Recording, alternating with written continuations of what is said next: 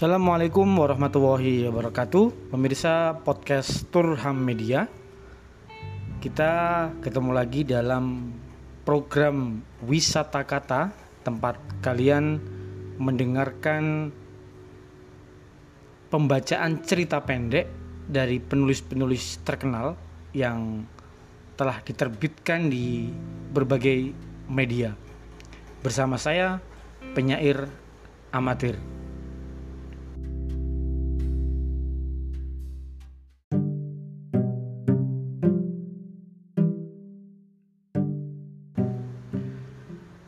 Untuk edisi ini sebuah cerpen dari Seno Gumira Aji Dharma yang telah diterbitkan oleh Kompas 14 November 2021. Judul cerpen ini adalah Odong-odong.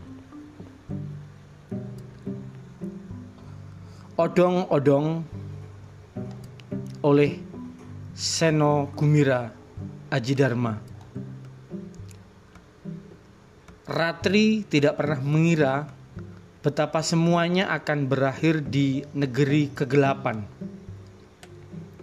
Semua ini dimulai dengan keremangan ketika odong-odong sudah kosong dan tinggal dirinya sendiri yang belum diturunkan. Tukang odong-odong itu rupanya mengira semua anak sudah turun dengan pengasuh masing-masing dan ia bisa segera melarikan odong-odongnya pulang. Saat ia matikan lagu kanak-kanak dari kotak yang berisik itu, baru barulah ia tersadar bahwa ia tidak sendirian. Dalam remang, ratri yang kecil memang tidak langsung kelihatan. Ah Neng, kok belum turun? Pan belum nyampe.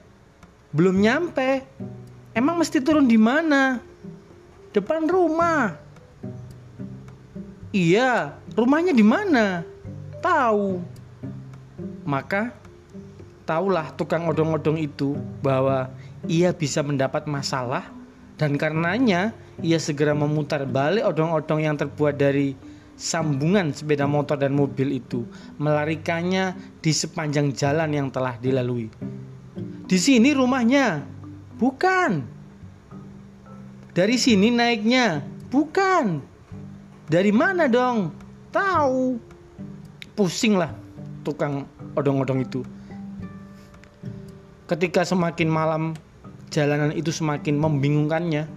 Lampu kendaraan dan lampu toko-toko berkelap-kelip mengalihkan pengamatan suara sepeda motor yang saringannya dicopot toa masjid yang terdengar meminta sumbangan berbaur dengan toa obral baju di pasar kaget. Ini masih jalan yang sama tentunya, tetapi mengapa tiada lagi yang dikenalinya?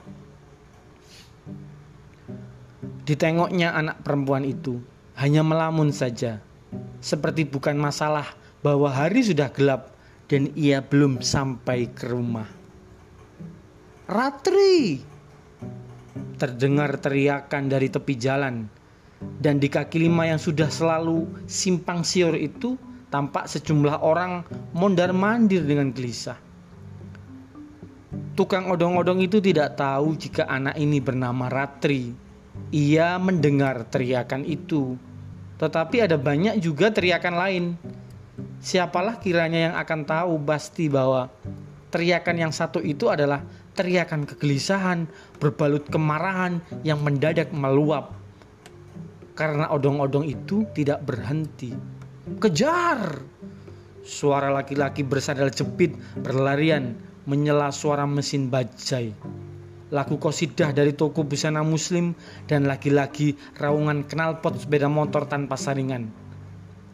Dalam kemacetan di perempatan, odong-odong itu terkejar dan dua tiga orang melompat masuk. Ketika pengemudinya masih sempat bertanya, "Sebelah mana, Neng?" Setelah itu terjadi kekacauan yang membuat kemacetan semakin parah. Karena setelah pengemudi itu ditarik ke belakang oleh tangan yang mencekal leher bajunya, Odong-odong itu melaju ke tengah arus yang sedang saling bersilang. Sejumlah kendaraan tertabrak dan saling berbenturan. Sejumlah yang lain berbelok menepi tetapi tetap tak bisa pergi. Ketika hal yang sama terjadi dari arah berlawanan. Deretan panjang dari segala arah menyembunyikan membunyikan klakson bersamaan. Suaranya membubung ke langit bagaikan doa salah alamat yang tidak akan pernah dikabulkan. Pusat kekacauan terdapat di tengah perempatan itu seperti pusaran air bergejolak yang tidak pergi ke mana pun. Mau menculik ya bangsat kamu.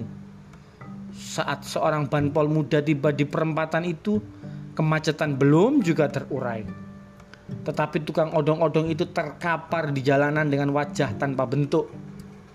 Bapak tua penjaga kios rokok yang berusaha menolongnya kesulitan menyeberangi jalan menuju ke kaki lima.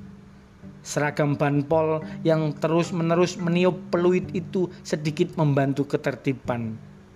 Namun, setelah kemacetan teratasi, banpol itu merasa harus kembali kepada tugas sesuai peraturan.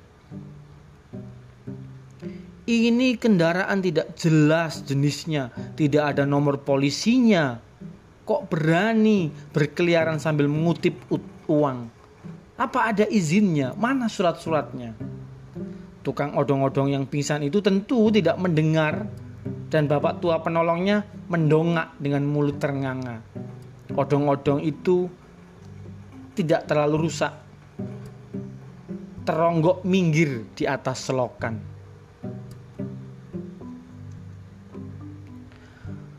Dengan perasaan berbunga-bunga, Ratri menaiki odong-odong pada suatu senja. Lagu-lagunya sungguh meriah. Liriknya berkisah tentang kehidupan di dunia yang penuh dengan kebahagiaan bertamasya maupun kebahagiaan memiliki ayah, ibu, adik, kakak. Odong-odong bagaikan datang dari surga, membagi-bagikan kebahagiaan sepanjang jalan bagi anak-anak yang kurang mengenal kebahagiaan itu sehingga dengan mudah mendapatkan kebahagiaan maya melihat gambar-gambar di sisi odong-odong. Gambar-gambar badut, makhluk mengenaskan itu, dan lagu-lagu riang amboy. Alangkah senangnya. Ratri merasa dirinya melayang terbang.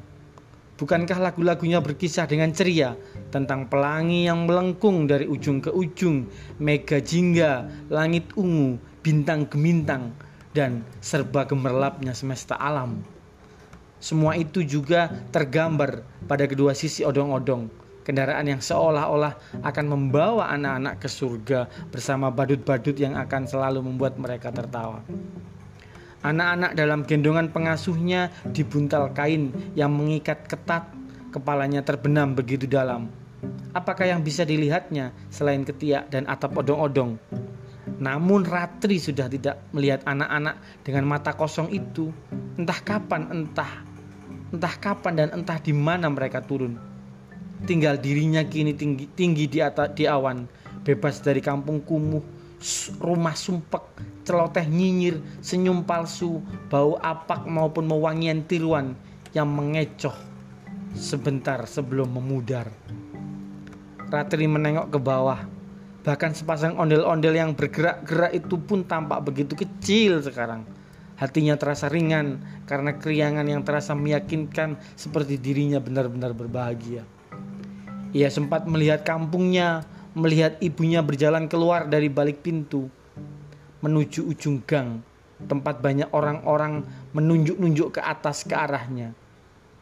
Apakah ibunya itu sedang mencari dirinya dan akan menyuruhnya pulang? Jangan pernah naik odong-odong lagi ya Ratri. Awas kamu. Apakah kamu mau jadi anak tukang odong-odong? Coba kalau waktu itu tidak ada yang lihat, tidak tahu sudah ada di mana kamu sekarang. Mesti ada di manakah dirinya? Ratri merasa dirinya berada di tempat yang paling diinginkannya. Duduk di bangku dengan dagu berbantalkan punggung tangan di sisi odong-odong, menyaksikan lapisan-lapisan langit yang ditembus tanpa suara. Selain gema lagu anak-anak yang kini membahana dalam pengertian sesungguhnya. Turun di mana, Neng? Didengarnya tukang odong-odong itu bertanya dengan suara terpendam. Ratri menoleh. Perban membalut seluruh kepala tukang odong-odong itu dengan lubang hanya pada mata dan hidungnya.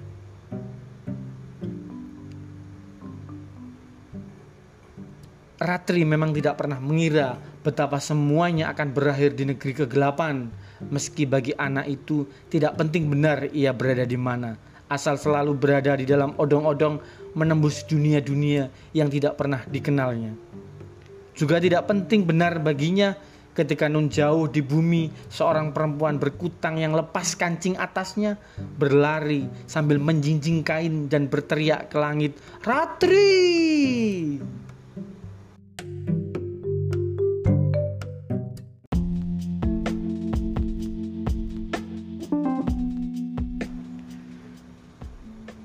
Seno Gumiro Aji Dharma, penulis cerpen ini, dilahirkan tahun 1958 Bekerja sebagai wartawan sejak tahun 1977, kini tergabung dengan panajurnal.com, menulis fiksi maupun non-fiksi dalam media massa maupun jurnal ilmiah, mendapat sejumlah penghargaan sastra, mengajar di berbagai perguruan tinggi. Buku yang belakangan terbit ngobrolin komik, catatan tentang komik dalam 25 tahun terakhir.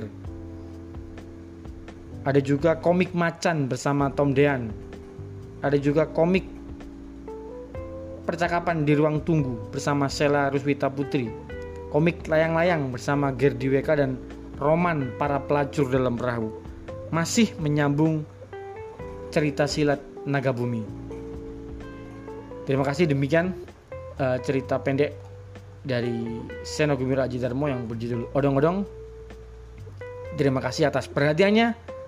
Salam literasi. Assalamualaikum warahmatullahi wabarakatuh.